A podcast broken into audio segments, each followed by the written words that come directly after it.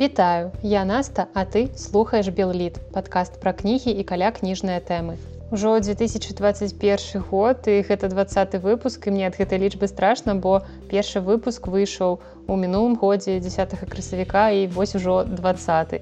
І дзякую усім, хто далучыўся нядаўна і тым, хто са мной з першых выпускаў. І таксама хачу асабліва падзякаваць тым, хто падтрымлівае бюрліт фінансава, прычым як белліт у агульным сэнсе в сэнсе купляе кнігі беларускія і таксама падтрымлівае белліт у сэнсе мой падкаст у апісанні вы знойдзеце мой яндекс кашалёк і нумар карткі з дапамогай якіх гэта можна зрабіць дарэчы у мяне сталі часта запытваць чаму падкаст называецца белліт Я думала, што гэта нейкая відавочная рэч, але аказваецца не і справа ў тым, што спачатку ўзнік тэлеграм-канал Белліт. У ім я пішу пераважна пра беларускія кнігі або пра ўвогуле беларускае кніга друкаванне. То бок маецца на ўвазе і замежныя кнігі, якія выходзяць на беларускай мове ў нас. Але падкаст я вырашыла запісваць пра ўсе кнігі, якія чытаю больш шырока пра літаратуру ўвогуле.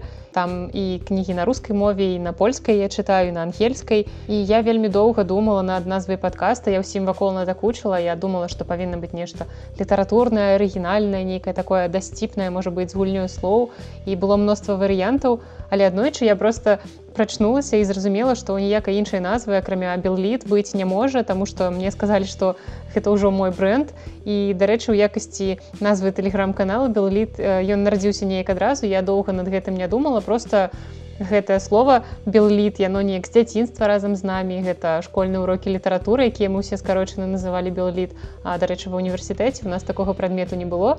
Канкрэтна белліт беларускай літаратуры. У нас была гісторыя беларускай літаратуры і мы яе ўжо беллітам не называлі. Мы часцей казалі гбл гісторыя беларускай літаратуры скарачэння Таму цяпер і каналы падкаст называюцца аднолькава. Толькі ў канале белліт я маю на увазе гэта беларуская літаратура а ў падкасці белліт маецца на увазе што я рассказываю пра ўсю літаратуру просто па-беларуску.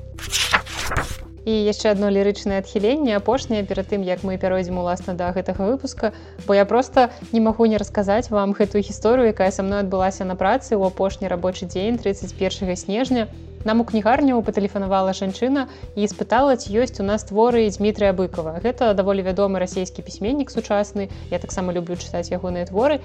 І ў нас ягоных кніг застаўся толькі 13 апостол пра маяковскага. І я пра гэта сказала жанчыне. І яна пацікавілася гэта проза ці паэзія, бо быкаў ён таксама як празаек, таксама і паэт.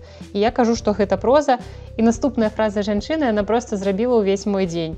Яна спытала: « А сціхов быкова у вас нет, і просто варта было столькі часу мне працаваць у кнігарні каб на пяты год у мяне нарэшце попрасілі вершы быкова. І няхай тут яна не мела на увазе нашага быкова. І пытанне ў адрыве ад усёй сітуацыі все роўна гучыць камічна. Василь быкаў действительно я на его стихах произведениях учился. Ну а цяпер пяройдзем уласна да выпуска які сёння атрымаецца абсалютна імправізацыйным. І перада мной проста спіс найлепшых кніг якія я прачытала ў 2020 годзе. Я іх буду агучваць і караценька каментаваць нешта пра кожную з кніг але спачатку проста лічба бо за 2020 год я прачытала ўсяго 185 кніг здаецца на 23 больш чым у папярэднім. Але хочу сказаць вам что гэтыя лічбы яны абсалютна нічога не значыць бо у мяне часто запытваюць А як ты так шмат чытаеш? А як так хутка? Гэта ж трэба было неяк вучыцца ці можа быть ты валодаеш хуткім чытаннем? І я ўсім адразу вось хочу адказаць что я не валодаю тэхнікай хуткага чытання нават калі б мне трэба было навошта? Я просто не разумею для чаго гэта. Гэта можа быць патрэбна для чытання не мастацкая літаратура калі вам там тэрмінова трэба прачытаць нейкі падручнік да экзамена все роўна гэта інфармацыя потым хутка выветрыцца з вашай галавы. Але калі вы чытаеце мастацкую літаратуру то як бы у чым сэнс хуткага чытання? Вы ж ну павінны атрымліваць нейка салоду эмоцыі ад кнігі А якія будуць эмоцыі калі вы хуценька прабяжыцеся яе вачыма і ўсё. Які сэнс? Сэнсу няма. І таму я просто маю крыху больш часу на чытанне. Ну чытаю іх сапраўды хутка гэта было з дзяцінства ведаеце вось гэтыя як это тэхні, тэхніка чытання. Так это правяралі тэхніку чытання калі вам давалі хвіліну і вы з хвіліну павінны былі прачытаць там пэўны кавалачак тэксту і потым настаўніца лічыла так пальчыкам колькі слова ў гэтым тэксце. І гэта нейкая такая дзіч абсалютна але карацей я заўжды была ў гэтым спісе на першым месцы. У нас вісеў нават гэты спіс у класе. Мачыма каб неяк матываваць але так сабе матывацыя мне здаецца. Дык вось чытаю я хутка але не настолькі хутка каб просто глытаць кнігі ў дзень там по тысячи сторонок у мяне просто ёсць трошки больш часу на чытанне бо у людзей іншых Мачыма ёсць іншая нейкая праца. А я працую ў кніжнай сферы. Кнігі і чытанне кніг гэта і ёсць моя праца. Таму просто у мяне можа ў два-тры разы больш часу на чытанне. і таму я чытаю так шмат кніг. Атрымліваецца гэта гэта ўсё не хуткасць гэта просто колькасць часу патрачанага на кнігі.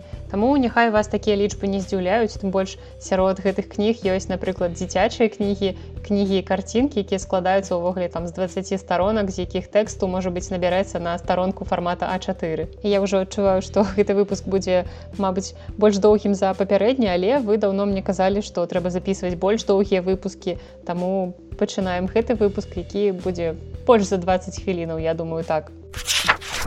І першая вялікая частка гэтага выпуска гэта топ найлепшых замежных мастацкіх кніг у ім 12 кніг хаця звычайна я выбіраю 10 такая традыцыя але сёлета усе кнігі атрымалі ад мяне упэўненыя 55 гэта просто сапраўды цудоўныя кнігі я не змагла скараціць гэты спіс до 10 у мяне просто няма такога маральнага права пазбаўляць вас таких цудоўных твораў і спачатку я хуценька пералічу тыя кнігі пра якія ўжо рассказывала у папярэдніх выпусках. Я спецыяльна выпісала якія гэта выпускі каб вам было потым прасцей арыентавацца калі вы захочаце пра нейкую кнігу паслухаць больш падрабязна. І атрымліваецца так это айза казімаў і твор я робот у пятым выпуску я пра яго рассказывала таксама джефры еўгенідзіс і ягоная кніга сярэдні пол у чацвёртым выпуску таксама сомерсет моем і ягоная астрыё брітвы у выпуску нумар 6 таксама Джон Боін лестница в неба у выпуску десятым. І Джонатан літл і роман благовалительніцы у 13 выпуску. Ну а цяпер я звярнуся да кніг, пра якія вам яшчэ не расказвала першую кнігу Анджея сапкоўскага пра ведьзьмара я чытала яшчэ некалькі гадоў таму. Я вырашыла пачаць чытаць у арыгінале там што валодаю польскай магу гэта рабіць. А потым я даведалася што у нас плануецца выхад беларускага выдання ў вдавестве янушкевич і сёлета перакладчыца гэтай кнігі каця маціеўская атрымала прэмію імя карласа шермана за найлепшы пераклад прозы менавіта за першую частку ведьзьмара якая называется апошняе жаданне мне здаецца што гэта выдатная замануха каб пачаць чытаць гэтую кнігу бо тут у сапраўды знак якасці ўжо гэтая прэмія. І выдавестве нушкевич дарэчы ўжо выйшла і другая частка меч наканавання і чакаем наступнае. Я ўжо хутка буду чытаць другую частку тому что усе вакол мне здаецца ўжо чыталі гэтага ведьзьмара толькі я не чытала хаця я сапраўды люблю фэнтэзі але неяк у дзяцінстве чытала яго больш. А цяпер я нейкая сумная сур'ёзная цётка якая чытае толькі сур'ёзныя сумныя кнігі. Насамрэч не ведьмаром расплатиться монеты доволі а можна і болей Наступны твор сёлетняга топа. Гэта роман жуля верна путешествие к цэнтру землі і гэта прыемнае перачытванне з дзяцінства. Калісьці даўно ўжо чытала гэты твор цяпер перачытала. І тады ў тыя часы ў дзяцінстве для мяне гэта быў просто класічны фантастычны твор прыгодніцкі захапляльны. Мне хацелася сапраўды апынуцца там разам з героямі але цяпер перачытаўшы я ўжо бачу ў гэтым творы тэорыю змовы і гэта ўвогуле адна з маіх любімых тэм бо я абажаю ўсю гэтую псевдонавуковую фігню пра тэорыю плоскай зямлі пра нейкіх іншапланетнікаў экстрасэнсаў чалавечы аўры ўсё пра тое што расказвае канал тв3 настоящий містычскі і я гэта абажаю не ў тым сэнсе што я ў гэта веру. Я просто люблю пра гэта чытаць і здзіўляцца наколькі людзям часам не хапае адукацыі увогуле наколькі ў людзей багатая фантазія без адукацыі. Яны могуць прыдумаць нейкія рэчы якія просто немагчыма сабе ўявіць але яны могуць прыдумаць іх і ў іх поверыць і вось гэты твор ён пра тэорыю плоскай зямлі і верне яго пісаў тыя часы калі гэтая тэорыя была сапраўды неверагодна папулярнай. Маўляў зямля яна насамрэч полая таму там унутры под зямлёй існуе нейкая свая атмасфера але там ёсць вода там ёсць людзі можа быть нейкія істоты жывёлы нехта такі там жыве і зразумела што для аўтарах это была просто фантазія гэта выдатная хлеба для фантастычнага твора. Але для людзей якія жылі ў тыя часы ўвогуле гэта было мне здаецца не так неверагодна бо навука тады была не так развітая і яна яшчэ не магла абвергнуць усю тую дзіч якую выдавалі людзі. Але цікава як вось з нашым цяперашнім узроўнем развіцця навукі людзі могуць працягваць у падобнае верыць Это битва экстрасенсов, и это я, Марат Башаров. Наступны роман актуальны ў наш час, хаця ён расказвае ўвогуле пра другую палову два стагоддзя і гэта твор прыслуга Кэтрин Стокет. Ён расказвае пра 60 гады мінулага стагоддзя. Гэта штат Місісіпі, невялічкі горад Джексон і там пачынаецца падпольная барацьба. Там афраамерыканскія служанкі яны працуюць на белых ледзі але яны раптам вырашаюць што трэба нешта змяняць і вырашаюць расказаць што сябе ўяўляе іх праца. Але яны трошки баяцца таму ёсць одна белая ледзі якая дапамагае ім у гэтым каб неяк апублікаваць гэту інфармацыю данесці яе да шырокіх мас. І аповед у гэтым творы ён вядзецца ад імя розных гераіняў і ў кожнай гераіне свой яркі голас. Напрыклад я абажаю міні. Міні гэта якраз афраамерыканская служанка.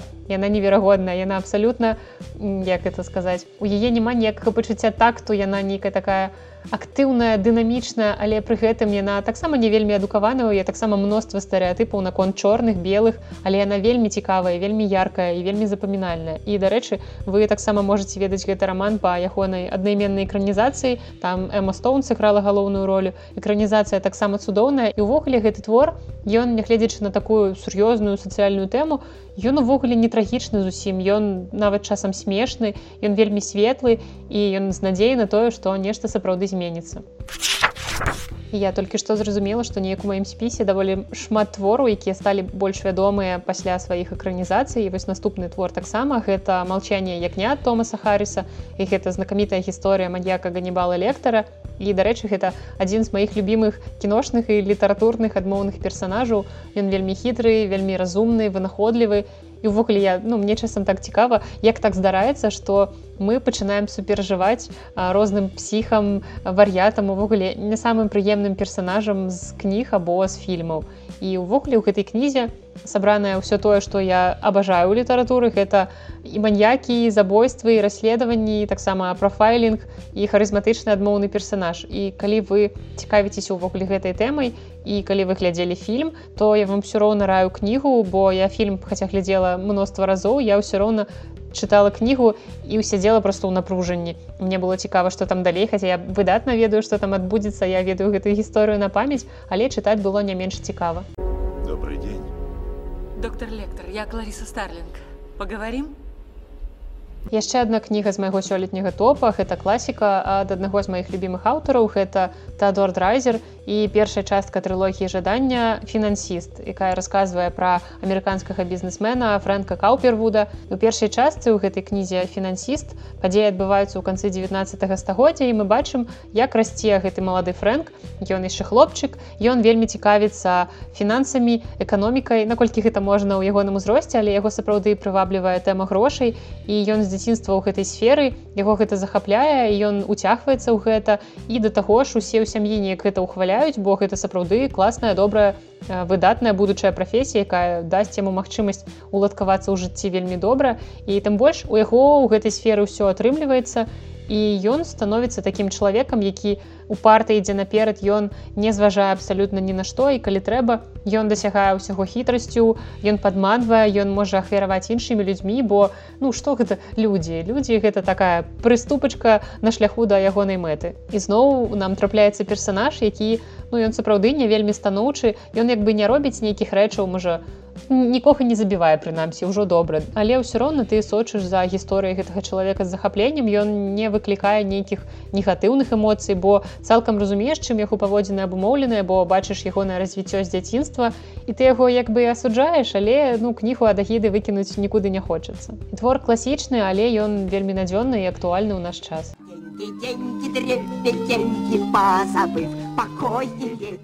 І сёлета ў топ трапіў яшчэ адзін польскі пісьменнік, які даволі папулярны ў сябе на радзіме, але ён не такі папулярны за мяжой, як, напрыклад, той жа сапкоўскі, ну увогуле складана дасягнуць такой папулярнасці для польскага аўтара але якуб мауэцкі я так вымавіла на польскі манер але сапраўды не ведаю як лепш по-беларуску гэта вымавіць малецкі ці малецкі але ну карацей якуб мауэцкі яго завуць по-польску так. Так вось ён сапраўды вельмі папулярны ў польшчы у яго выйшла ўжо мноства кніг і ён сапраўды прывабны мужчына які добра выступае. Я люблю слухаць яго на выступленні ён часта мільгае ў нстаграме ў выдавецтва якім выдаецца. І зараз раскажу вам пра ягоную кнігу хорызонт я думаю назва зразумелая без перакладу Ён расказвае пра 36гадовага ветэрана марыуша, які вярнуўся з Афганістана. І ён марыў стаць салдатам з дзяцінства. І прычым калі ў яго сястра запытвала навошта ўвогуле табе гэта трэба што ты там будзеш рабіць? то хлопец адказваў з усмешкай што ён будзе там забіваць. Бо яму магчыма тады ў дзяцінстве нейкі юнацкі максімалізм здавалася што гэта ўсё так проста на словах. Але калі насамрэч ты вымушаны гэта рабіць то становішся ну не, не такім адважным. Калі ты нармальны чалавек калі ў цябе ўсё ў парадку з псіхікай. І марыуш вяртаецца дадому дадому з Афганістана з посттраўматычным стрэсавым расстройствам. Гэта такая даволі распаўсюджаная штука і цяпер яму неяк трэба ў мірным спакойным свеце ў Польшчы жыць. І з гэтым кожны спраўляецца па-свойму шмат гісторый пра то, як людзі пасля гэтага співаліся, ці яны пачыналі прымаць наркотыкі, а нехта проста перастае камунікаваць са светам з людзьмі, не выходзіць з кватэры. І марыюш ён знайшоў сваё выйсце ў пісьменніцтве, ён вырашыў напісаць кнігу пра ўсё тое, што ён бачыў і перажыў. І гэта цудоўны твор пра посттраўматычнае расстройство мастацтва пра траўмы пра стрэсы ўвогуле. І кніга яна пазбаўленая вось гэтага непатрэбнага пафасу ваеннага гераізму гераізацыі вайны бо гэта ўсё тое што я так не люблю літаратуры пра вайну гэта ўсе спасіба дзеду за пабеду можемм паўтарыць вось гэта ўсё абсалютна не патрэбна нягледзячы на то якая вайна неважна і я просто не стамлюся паўтараць тое што вайна гэта не ок гэта не норм і гэта не гераічна ні разу. А гэтая кніга атрымалася вельмі простай вельмі лаканічнай без нейкіх там лішніх вобразаў яркіх метафор і там все вельмі простай мовай напісана. І гэта мне здаецца чарговае пацверджанне таго што кнізе каб быць глыбокай ёй не абавязкова быць вялікай нейкай аб'ёмнай складацца там з тысячи старонак. І апошняя кніга з гэтага топа гэта зноў класіка гэта марыя п'юза і крёсны отец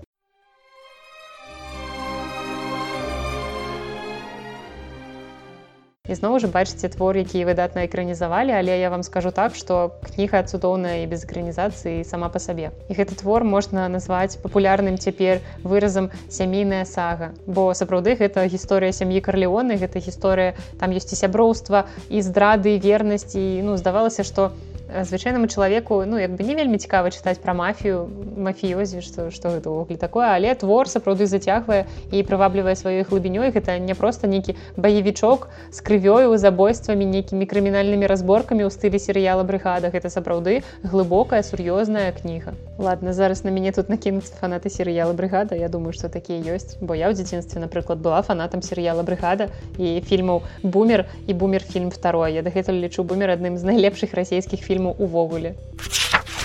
Я ўжо бачу, што хранаметраж выпуска падышоў да звычайнага стандартнага хранаметражу кожнага майго выпуска, але мы падышлі толькі да другой часткі сённяшняга выпуска. І тут найлепшыя беларускія кнігі, якія я сёлета прачытала. І калі папярэдні топ цалкам складаўся з кніг, якім я паставіла ўпэўненую пяцёрку, то ў топе беларускіх твораў ёсць і творы, з чацвёркай чатыры з паловы я ім паставіла. Зразумела што ўсе гэтыя нейкія лічбы адзнакі яны абсалютна умоўныя але ну мне неяк так прасцей класіфікаваць кнігі. Калі я ставлю кнізе больш за тры балы гэта значыць што ў прынцыпе вы можете яе чытаць. Калі тройка ну гэта значыць што кніга норм але ну магчыма мяне не так закранула пакінула абыякавай. Але калі ўжо я ставлю кнізе адзнаку ніжэй за тры то гэта сапраўды тыя творы якія ў руки ну не варта браць. І звычайна ніжэй за тры ад мяне атрымліваюць кнігі не тое што мне не спадабаліся але камусьці могуць спадабацца. Не гэта канкрэтна дрэнна напісаныя кнігі якія ну як бы я не ўяўляю каму яны могуць спадабацца. І самае важное я тут заўважыла што за папярэднія 19 выпускаў я паспела вам расказаць амаль пра ўсе творы з гэтага топа бо ў кожны выпуску я старалася расказваць пра нейкую беларускую кнігу якую цяпер чытаю ці прачытала і напрыклад вось кнігі ольгі гапеевай кэмл тревел увогуле пачаўся мой падкаст. Яна мяне на той час так уразіла што я вырашыла менавіта з яе стартаваць. Яна была першая ў выпуску. І таксама я ўжо не раз сказала пра кнігу зараславы камінскай калядны стол напрыклад у 15 выпуску. І ў 2020 гэтая кніга стала лаўрэатам прэміі цёткі за найлепшую кнігу для дзяцей падлетку. І ў пятым выпуску таксама я рассказывала про адну з кніг. Это Андрей федаренко ягоны нечаканыя дэтэктывы ў жэтон на метро. І пра новы роман альгерда бахарэвича апошняя кніга пана а таксама рассказывала у 12 выпуску. І гэтая кніга яна ўвогуле стала найлепшай мастацкай кніга года паводле экспертаў радыёвабода і важна што сярод эксперту была таксама я і я прымала удзел у галасаванні і высунула бахарэвича ў сваім топе на першае месца і ў выніку ён перамог. Я лічу што прыклала руку да перамогі бахарэвіча можна сказаць і так. Таксама ў десятым выпуску я рассказывала пра фантастычны роман Сергея балахонова бог кахання марс а ў 15 выпуску пра леташняга пераможцу прэміі гідройца Сергея дубаўца з дакументальнай кнігай тантамарэскі І нарэшце мы падышлі да кніг, пра якія я з вами яшчэ не паспела пагаварыць, але хутчэй за ўсё пра іх будуць асобныя выпускі ўжо ў гэтым годзе. Напрыклад, пра новы раман Артура Клінова, які называецца локісу. Ён праз сем гадоў пасля выхаду апошняй мастацкай кнігі нарэшце выдаў даволі актуальны раман пра тое, як жывуць у беларускай правінцыі, што там адбываецца і раптам там здараецца нешта неверагоднае. І нашу правінцыю сапраўды не варта недаацэньваць таксама ў топ года трапіў і зборнік паэзіі цэлы адзін.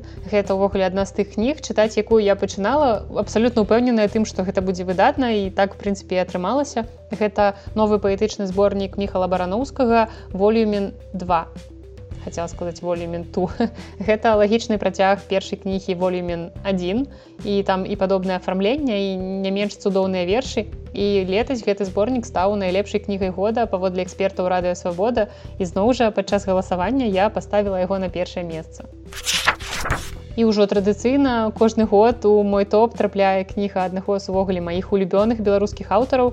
Гэта валер гапеў і летась дакладней паза летась у 2019 гэта быў пазл а сёлета гэта кніга і хай ніхто не пойдзе пакрыўджаным або грак і монця хрысцік якая на жаль не выйшла папярова яна выйшла толькі ў электронным выглядзе на кнігарня бай. І я думаю што гэтая кніга таксама заслугоўвае каб я пра яе пагаварыла асобна больш падрабязна ў рамках асобнага выпуска. а І нарэшце апошняя кніга ў топе найлепшых беларускіх гэта зноў нешта з пазнакай найлепшая гэта кніга Сергея абламейкі каліноўскі і палітычнае нараджэнне беларусі і паводле ўсё тых жа экспертаў радыё свабода сярод якіх была я гэтая кніга стала найлепшай дакументальнай кнігай 2020 года. І гэта зборнік эсэ пра такога чалавека які здаецца мне ў гісторыі беларусі быў ну адной з найбольш яркіх постацяў. Зразумела з назвы што гэта за чалавек. І мне здаецца што яшчэ ў канцы назвы кнігі можна дадаць для чайнікаў атрымліваецца каліноўскі і палітычнае нараджэнне беларусі для чайнікаў бо сапраўды гэта такая выдатная кніга каб увайсці ў гэтую тэму. І калі вы маеце нейкіх знаёмых якія ўвогуле не разумеюць чаму каліноўскіх это так важна і чаму все у гэту вільню пацягнуліся на перапахаванне то просто дайце ім гэтую кнігу. Яна зусім тоненькая невялічкая чытаць там няшмат але эфект ад яе будзе дакладны імгненны а І трэцяя апошняя частка сённяшняга выпуска гэта 10 найлепшых немастацкіх ці як яшчэ іх называюць нон-фікшн кніг. І тут я ўжо таксама вам пра многае паспела расказаць за 19 выпускаў. Напрыклад, пра кнігу расійскіх журналістаў Дар'і Варламава і Антона Зайніева сума сайці путеводитель по псіхічным расстройствам для жыцеля большого города. І гэтая кніга была другой у маім пілотным выпуску гэтага падкаста. І таксама ў трэцім выпуску я рассказывала пра кнігу яшчэ адной камені неверагодна ўразіла гэта паўсядневная жизнь северной Кореі барбары дэмік, і таксама ў дзявятым я рассказывала пра любімага роберта сапольскі пра ягоную кнігу ігры тэстастерона і другія вопросы біялогіі павядзення і ўвогуле адна з найлепшых нон-фікшн кніг якія я чытала летась гэта майкл малейн верхом на ракете возмуцительная історія астранавта шатла я рассказывала пра яе ў 16 выпуску. Ну а далей пра кнігі пра якія ад мяне вы яшчэ не чулі. а калі вы любіце кнігі пра кнігі і ўвогуле сочыце якія з навінак на гэтую тэму выходзяць то я думаю што вы ўжо ведаеце хто такі шон байтел. Гэта ўладальнік самай вялікай букіністычнай кнігарні шотландыі і ён выпусціў працяг свайго кніга гандлярскага зборніка. Ён напісаў кнігу запіскі кнігатарговца і гэта працяг гісторый пра ягоную краму і пра яе супрацоўніку. І кніга як і папярэдня яна таксама напісана ў фармаце дзённіка і апісвае цэлы год жыцця кнігарні дзе ён кожны дзень і не лянота яму было ён як бы падрабязна фіксаваў усе падзеі ён дзяліўся нейкімі нават камерцыйнымі таямніцамі напрыклад ён расказваў колькі ў краме было пакупнікоў што яны купілі на якую суму яны кніг накупілі і мне напрыклад гэтая кніга цікавая яшчэ таму што шон можна сказаць мой калега і таму ўсё што я напісваю кнізе у вам не адгукаецца я думаю мацней чым простых людзей якія не працуюць у кнігарні і не бачаць тое што бачу я. І тут абсалютна ніякага снабізму маўляў гэтая кніга яна толькі для падрыхтаваных для тых хто ведае што такое працаваць у кнігарні просто я сапраўды чула ад некаторых сваіх знаёмых што кніга ім падалася нейкай такой трошки зануднай нуднай што вось ён такі мізантроп. Але рабяты калі б вы папрацавалі ў кнігарні у якую заходзіць часам сапраўды але нават не часам даволі часта я скажу так заходзяць розныя фрыкі ну вы б неяк трохі іншымі вачыма бачылі гэтую кнігу як бачу яе я наступная кніга зноў маёй любімай тэмы гэта зноў крымінал. Бо я люблю пачытаць не толькі нейкія дэтэктывы пра выдуманых ці нейкі трукраем пра сапраўдных злачынцаў але і нон-фікшн пра тое як увогуле шукаць і затрымліваць такіх злачынцаў і што іх там унутры ў галаве. І вось шотландская пісьменніца аўтарка дэтэктываў вэл макдермит яна напісала кнігу анатомія преступлення. Што могуць расказаць насекомыя адпечаткі пальцев і днк і яна пастаралася ў гэтую кнігу змясціць гісторыю крыміналістыкі ад самага пачатку ад судовай медыцыны медыцыны ад яе вытокаў да нейкіх прарываў у тэхналогіях расследавання ў нашага часу. Адна з самых незвычайных нон-фікшн кніг, што я чытала ў 2020 і мне здаецца ўвогуле гэта праведны палач Джоэла Харынгтона. Ён прафесар, які проста ў кнігарні ў нямецкай букіністычнай кнігарні знайшоў дзённікі ката 16 стагоддзя. І гэты кат па прозвішчы Шмід ён даволі падрабязна апісваў асаблівасці сваёй працы, як ён забіваў людзей за што.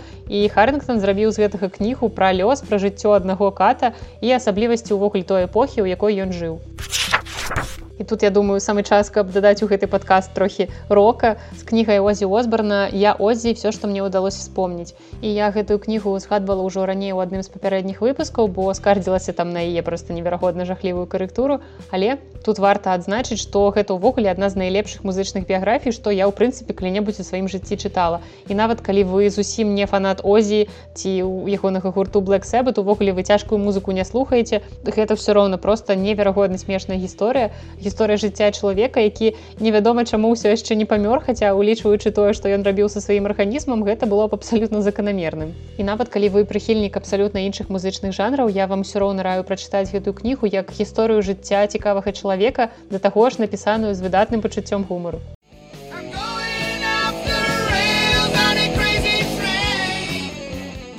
А вось наступная кніга яна сапраўды страшная і гэта форпост. Бесланы его заложнікі расійскай журналісткі ольгі алінавай. І я памятаю што ў 2004 годзе калі ўсё гэта здарылася ў беслане мне было ўсяго 11 гадоў але я добра памятаю як у тэлевізары нешта пра гэтую трагедыю расказвалі і я зразумела тады мало што магла асэнсаваць я чула што нейкая бяда здарылася але я ну не асэнсоўвала ўсіх маштабаў яе і тым больш што гэта недзе там далёка адбывалася ў іншай краіне. Для мяне ўвогуле ў тэлевізары гэта як на іншай планеце. І я хадзіла ў школу і нават не ўяўляла што сапраўды ёсць дзеці якія ўжо ніколі гэтага зрабіць не змогуць. І гэта вельмі няпростая вельмі цяжкая эмацыйная кніга і пасля яе чытання у мяне ўнутры заставаліся толькі гнеў нейкая злосць бяссільная таго што ты сапраўды нічога не мог з гэтым зрабіць. І то што былі людзі якія маглі нешта зрабіць і не зрабілі гэта яшчэ больш страшна і апошняя кніга сярод найлепшых немастацкіх яна зноў пра крымінал. Гэта убийца сидит напротив как фбр разоблачаюць серійных убийцы маньяков Джон дуглас і марк олшейкер. І спачатку я вам буду настойліва раіць нядаўні серыял майнхантер які непасрэдна звязаны з адным з аўтараў гэтай кнігі. Гэта былы агент фбр Джон дуглас які стаў вядомы тым што ён размаўляў з самымі небяспечнымі маньякамі ў гісторыі ЗША такімі як Чарльз Мэнсон ці Эдмунд кемпер ці давід беркавіц і ўвогуле іншымі людзьмі якія ну цудоўна вядомыя тым хто любіць струкраем ён займаўся прафіляваннем ён спрабаваў зразумець якія фактары ўвогуле паўплывалі на гэтых людзей і зрабілі іх такімі вось бязлітаснымі забойцамі. І ён спадзяваўся што ў будучыні гэта можа добра дапамагчы прадухіляць магчымыя трагедыі. Дык вось галоўны герой серыяла майнхантер ён якраз спісаны з Джона дугласа а сцэнарыі заснаваны на ягонай аднайменнай дакументальнай кнізе А вось гэтая кніга про якую я гавару